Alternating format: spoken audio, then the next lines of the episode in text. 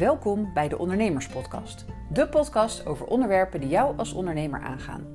Ik ben Marjolein Hettinga en in deze podcast wil ik jou inspiratie, tips en tricks geven om het ondernemen makkelijker en nog leuker te maken.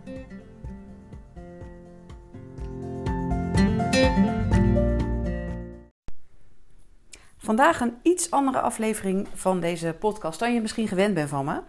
Uh, in de aflevering van vorige week, uh, dat ging over moet het altijd groots en meeslepend zijn. Daarin vertelde ik over Stories Worth Sharing, een evenement waar ik een aantal jaar geleden aan meegedaan heb. En uh, ik heb toen even heel kort verteld waar dat over ging. Nou, heb je die nog niet gehoord? Luister die dan misschien eerst even. Um, maar ik dacht, misschien is het eigenlijk wel leuk om mijn verhaal, wat ik toen vertelde, om die ook hier in de podcast te delen. Stories Worth Sharing is een evenement waar ondernemers uh, zes ondernemers per keer op het podium hun verhaal delen. En dat kan een persoonlijk of een zakelijk verhaal zijn. Met als doel om andere ondernemers te inspireren of een boodschap mee te geven. En ik heb daar een aantal jaar geleden aan meegedaan. Ik vond het een superleuke ervaring. En um, ja, dat gaat, mijn verhaal was, uh, nou, reis is geen vakantie heet het. Nou ging het helemaal niet zozeer over vakantie. Het ging juist over hoe een aantal mijlpalen in mijn leven, en dat waren steeds reizen die ik gemaakt heb, hoe die eigenlijk mij gebracht hebben tot waar ik nu ben. Um, en ik dacht, misschien vind je het leuk om dat verhaal ook te horen. Het is eigenlijk een beetje mijn, uh, mijn levensverhaal in hele grote stappen. Van, uh, van uh, verlegen puber van 17 tot ondernemer van, nou ik zal niet zeggen hoe oud ik nu ben, maar tot waar ik nu sta. En ik hoop dat je het leuk vindt om te luisteren, dus veel plezier.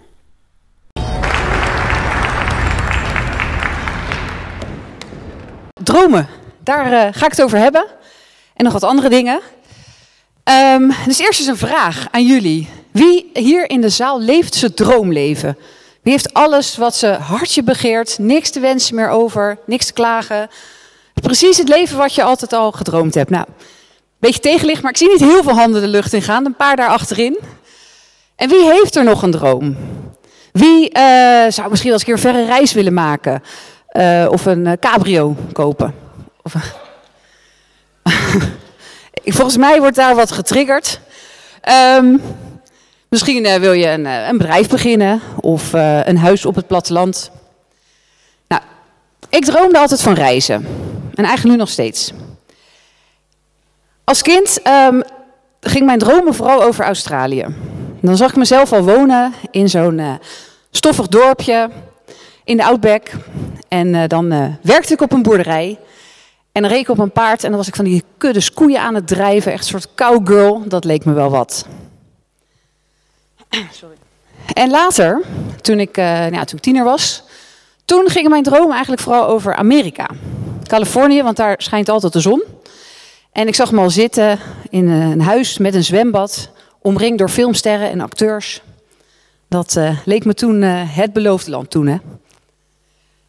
Maar langzamerhand, uh, zonder dat ik het eigenlijk echt besefte, werden dat soort dromen werden in mijn hoofd een soort concreet plan. En um, ja, ik dacht er ook niet al te veel bij na, maar wat ik in mijn hoofd had, dat moest gewoon gebeuren. Soms duurde het wat langer, maar uiteindelijk uh, ja, moest zo'n plan gewoon werkelijkheid worden. En het was misschien maar goed ook dat ik daar niet veel over nadacht, want anders was ik waarschijnlijk helemaal nooit gaan reizen. Um, ik kan wel tien redenen bedenken om niet te gaan reizen. Maar daar kwam ik gelukkig pas veel later achter. Jaren geleden was ik eens uh, aan het, uh, op rondreis in West-Australië. En uh, in die tijd waren er in Victoria, dat is helemaal aan de oostkant, oostkant van het land, 3500 kilometer verderop, daar waren heftige bosbranden. En misschien niet zo erg als vorig jaar, nou, die kunnen jullie allemaal nog wel wat nieuws herinneren. Maar ook toen was het hier uitgebreid op het nieuws. En uh, ik had een keer mijn moeder aan de telefoon. Ze zit hier in de zaal, ik weet niet of ze het nog weet. Maar um, ze zei toen, kind, ik ben toch wel blij dat jij niet in Victoria bent nu met al die bosbranden. En we zaten gezellig te kletsen en uh, ondertussen keek ik uit het raam. En ik zag allemaal van die zwarte rookwolken boven de bomen uitkomen. Want ook daar had je bosbranden, maar dat heb ik er toen maar even niet verteld. Ik ben ook nog wel eens uh, bijna gestrand in de woestijn in Australië. Ik was daar uh, samen met een vriendin. En we hadden een auto gekocht. Wij reden daar door het binnenland. Zij zat achter het stuur. ik zat ernaast een boek te lezen. Want het binnenland is echt prachtig. Maar als je urenlang hetzelfde uitzicht ziet, dan gaat het zelfs ook vervelen. Dus ik zat lekker mijn boekje te lezen. en op een gegeven moment zegt ze: Zeg, um, als de benzinemeter op het laatste rode streepje staat, hoe ver kan je dan nog? Dus ik zei: Ik weet het niet, hoezo? nou, zegt ze: Ja, daar staat hij nu. Oké, geen paniek. Uh, ik pak de kaart erbij.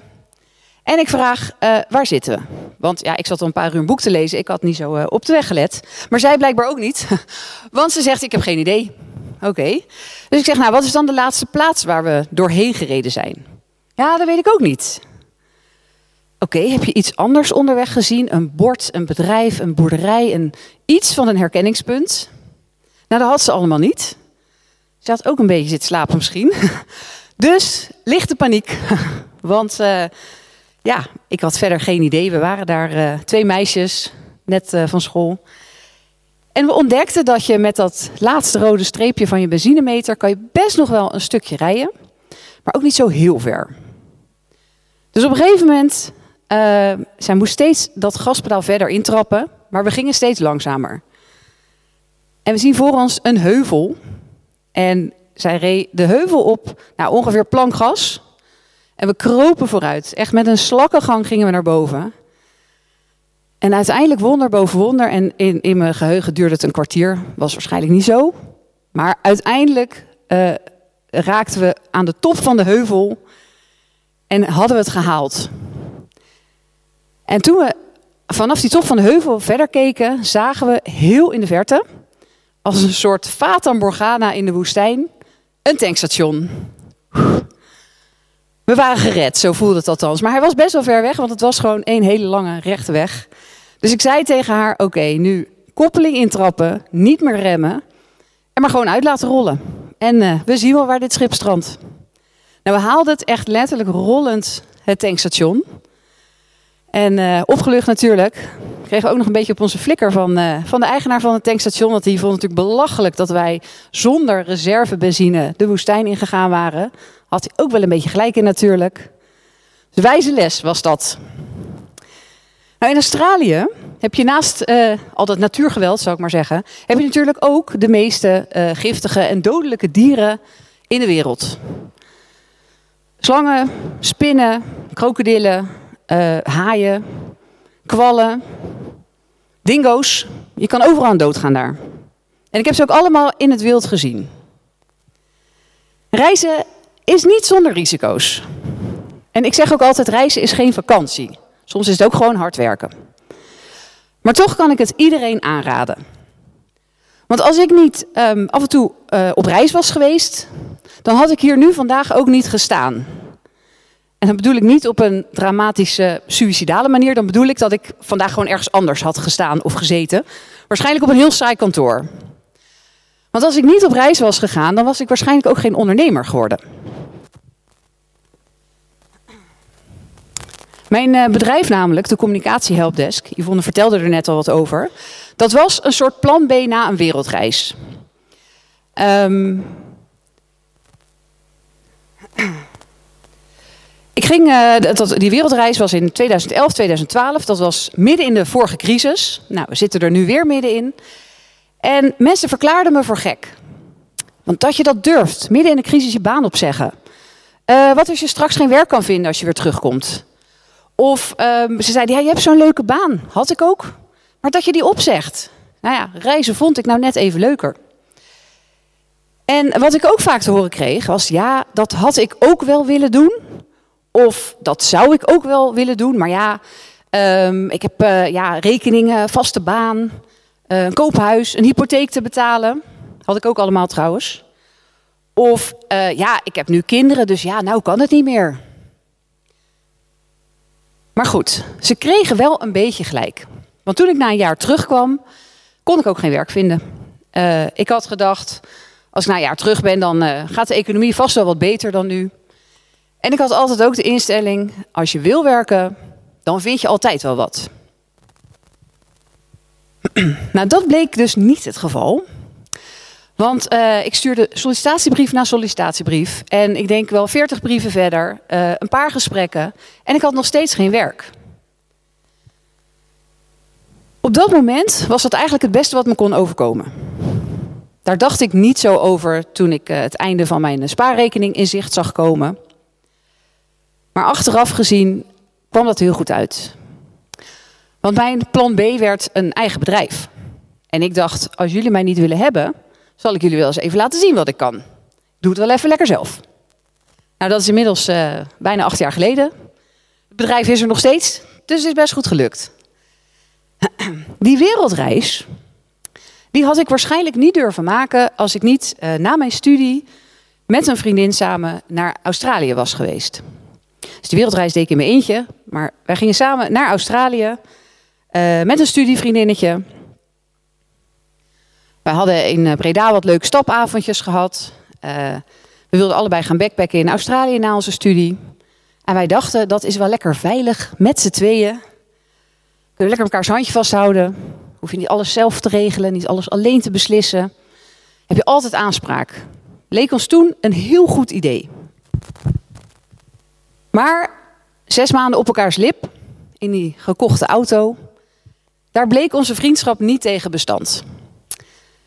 Dus na een half jaar barstte de bom. En uh, zij ging terug naar Nederland en ik ging lekker in mijn eentje verder. En dat klinkt misschien nu als een klein drama. Maar dat was ook toen het beste wat me kon gebeuren.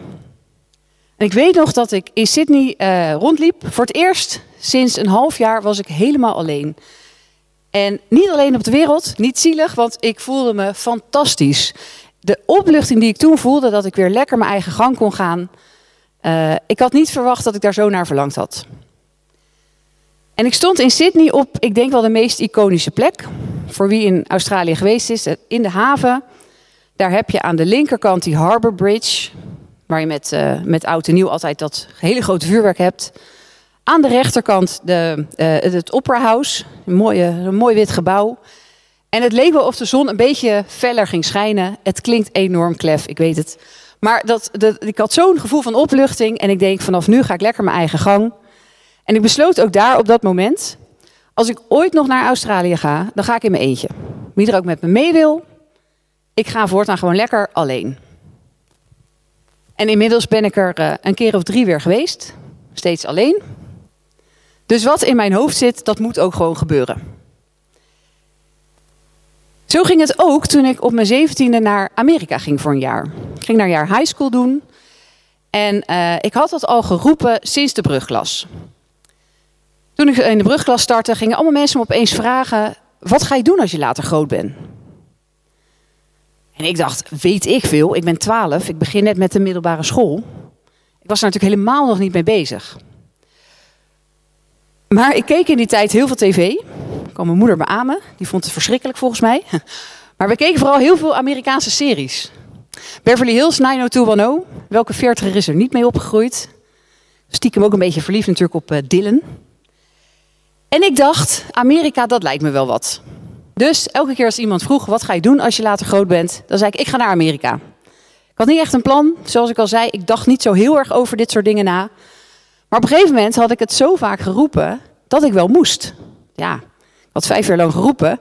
Toen was het moment daar. En eigenlijk vond iedereen het wel leuk dat ik het ging doen. Ze vonden het wel stoer. Ik kreeg niet zo heel veel tegengas.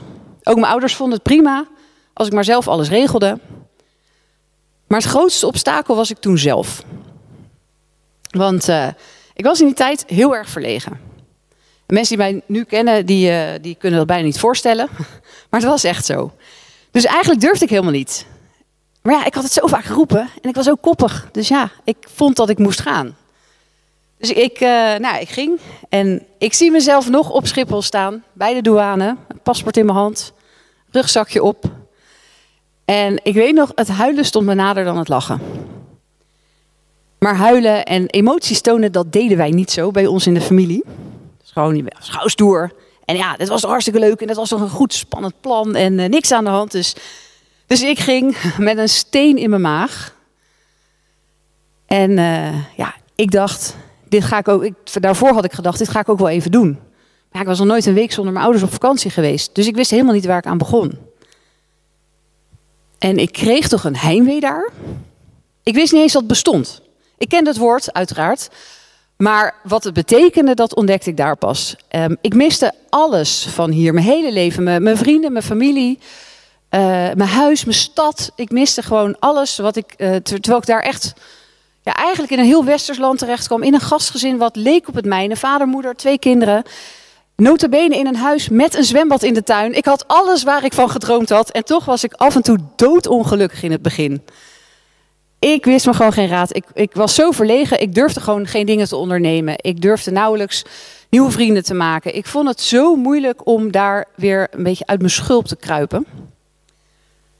Maar ja, ik had gezegd dat ik een jaar wegging. Dus uh, ja, ik, ik, was ook, wat ik zeg, ik was ook koppig. En ik had het nou eenmaal zo geroepen. Ja, ik kon ook niet terug voor mijn gevoel. En ik dacht ook letterlijk dat ik niet terug kon. Want mijn ouders, die hadden inmiddels een meisje uit Ecuador in huis genomen. Net als ik, die wilde ook een jaartje naar het buitenland. En mijn ouders dachten, ja, we hebben een kamer over. Dus ik had het gevoel dat mijn kamer, dat, dat ik gewoon niet terug kon, want mijn kamer was bezet. En dat zat natuurlijk tussen mijn oren, hè? want uh, ik denk als ik echt naar huis had gewild, hadden we heus wel een oplossing verzonnen. Maar misschien was het ook maar goed dat ik dat toen niet zo besefte. Want ik besloot op dat moment, ik bedacht me, de situatie gaat niet veranderen. Dus ik moet veranderen hoe ik daarmee omga. Dit jaar duurt nog veel te lang om hier ongelukkig te blijven zitten doen. En ik kan niet naar huis, dus ik moet er nu gewoon wat van gaan maken. Ik moet wat gaan ondernemen. En ik moest mezelf echt heel erg een schop onder mijn kont geven om uit mijn comfortzone te stappen. Want ik was tot dan toe was alles gewoon lekker vanzelf gegaan, lekker makkelijk. En ik zat daar en ik dacht, ja, nu moet ik gewoon in actie komen. En dat deed ik. Ik ging uh, op school op, bij allerlei clubjes. Dat is leuk aan van die Amerikaanse high schools. Daar heb je ontzettend veel buitenschoolse activiteiten. En um, ik ging in het voetbalteam van school. En toen was Nederlands elftal was nog heel erg goed. Die, en het was ook het jaar van het WK in Amerika trouwens. Dus ze hadden hoge verwachtingen van mij uit Nederland dat ik het voetbalteam kwam versterken. Werd een beetje een teleurstelling, kan ik zeggen. En wat ik ook dacht, ik ging ook bij een toneelstuk, of bij het schooltoneelstuk uh, meedoen. Want ik dacht, verlegen als ik was, dat het een heel leuk idee was dat ik op een podium ging staan. Ook daar bleek ik niet zo heel veel talent voor te hebben. Maar ik maakte wel nieuwe vrienden. Ik leerde veel mensen kennen. Ik ging ook steeds meer met vrienden afspreken. Ik was bijna nooit meer thuis. Mijn cijfers op school kelderden in die tijd, maar ja, daar uh, was ik niet voor gekomen. Voor, ook voor het eerst in mijn leven dat ik gespijbeld heb met school, van school. Want ja, mijn vrienden deden dat daar ook. Dus ja, ik had eindelijk vrienden. Dus ik ging toch lekker met ze meedoen. Super spannend vond ik dat.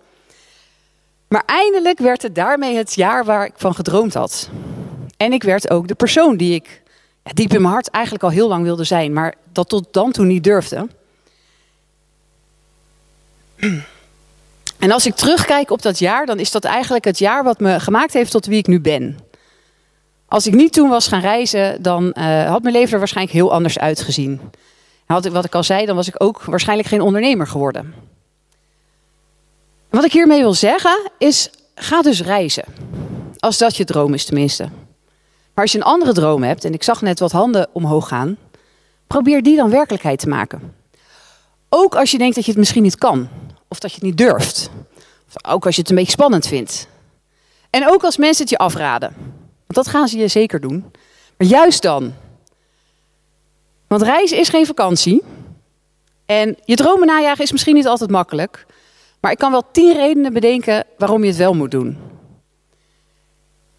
Het is soms gewoon moeilijk. Als je, je, je, je staat er vaak alleen voor. Je moet keuzes maken. Je moet dingen beslissen. Je gaat ook keuzes maken waar mensen niet altijd begrip voor hebben. Um, je raakt ook wel eens mensen kwijt onderweg. Als je lang gaat reizen, als je ver weg bent, dan uh, verwateren vriendschappen nog wel eens. Maar ja, je komt er ook weer heel veel nieuwe mensen kom je tegen. Maar ook als jij een droom hebt die jij hier gewoon kan uitvoeren. Als je een bedrijf wil starten of als je een uh, weet ik, van stoere auto wil kopen of een huis op het platteland. Zijn er ook mensen die het daar misschien niet mee eens zijn? Of die vinden dat je te weinig tijd voor ze hebt? Of uh, die jouw keuzes niet begrijpen? Vaak als mensen jou proberen uh, van die bezwaren aan te praten, dan heeft dat meer te maken met hunzelf, met hun eigen ja, angsten. Uh, hun, uh, het feit misschien dat, dat jij iets doet wat zij hadden gewild en wat, je, wat ze niet durven. Dat gaan ze dan op jou projecteren. Dus dat is ook geen reden om het niet te doen. En reizen brengt risico's met zich mee. Gevaar dreigt overal. Want het leven brengt ook risico's met zich mee. Mijn eerste avond dat ik in, in Zuid-Amerika was, in Buenos Aires. Ik liep daar s'avonds over straat. En toen werd er vlak bij mij werd er een, werd er iemand beroofd. En die zakkenroller die kwam echt vlak langs me rennen. En ik dacht in een split second, als ik nu een pootje haak, dan ligt hij, dan pakken ze misschien. Heb ik mijn heldendaad verricht. En een seconde later ging, ging mijn brein gelukkig weer werken. Dacht ik, doe dit maar niet. Je bent alleen, dus niet misschien heel veilig. En dan kan je natuurlijk afvragen, moet jij als vrouw alleen in Zuid-Amerika over straat s'avonds? Maar ja, ik had ook honger, moest toch eten. Maar de enige keer dat mijn portemonnee gerold is, dat is gebeurd in Amsterdam met Koninginnedag. Daar hoefde ik dus helemaal niet voor naar de andere kant van de wereld. Er overlijden elk jaar meer mensen in het verkeer dan uh, door slangen, krokodillenbeten en uh, kwallenbeten en alle giftige dieren bij elkaar. Dat is gewoon zo. Bij mij was een uh, wesp in Slovenië was bijna mijn ondergang. Daar ontdekte ik namelijk een paar jaar geleden dat ik daar nogal allergisch voor ben. En kwam ik op de eerste hulp terecht. Maar dat had natuurlijk ook gewoon hier kunnen gebeuren. We maken ons vaak zo'n zorgen over dingen die zouden kunnen gebeuren, dat we daarom maar niet in actie komen. We blijven zitten waar we zitten, we, het kabbelt lekker door, maar we doen eigenlijk niks. En dromen blijven daarmee ook maar dromen. En dat is zo zonde. Want er is zoveel meer te beleven als je een beetje buiten je comfortzone durft te stappen. En ik hoop eigenlijk dat ik met mijn verhaal hier in deze zaal wat dromen heb aangewakkerd. En dat je denkt, misschien moet ik er toch eens een keer wat mee gaan doen. Want uit je comfortzone stappen is niet altijd makkelijk. Het voelt ook niet altijd prettig op het moment zelf, maar daarna wel. Dat is mooi van ons brein. Wij onthouden uh, nare gevoelens en pijn onthouden we niet. We weten het nog wel. Ik weet dat ik heimwee had, maar ik voel het niet meer. Je uh, liefdesverdriet om je eerste vriendje voel je na een tijdje niet meer. Een gebroken been. Je weet het nog wel, maar je voelt het ook niet meer. Dus pijn onthoudt ons brein niet, maar positieve ervaringen wel. En die hebben ook vaak nog heel lang daarna effect. Bij mij zelfs 25 jaar later.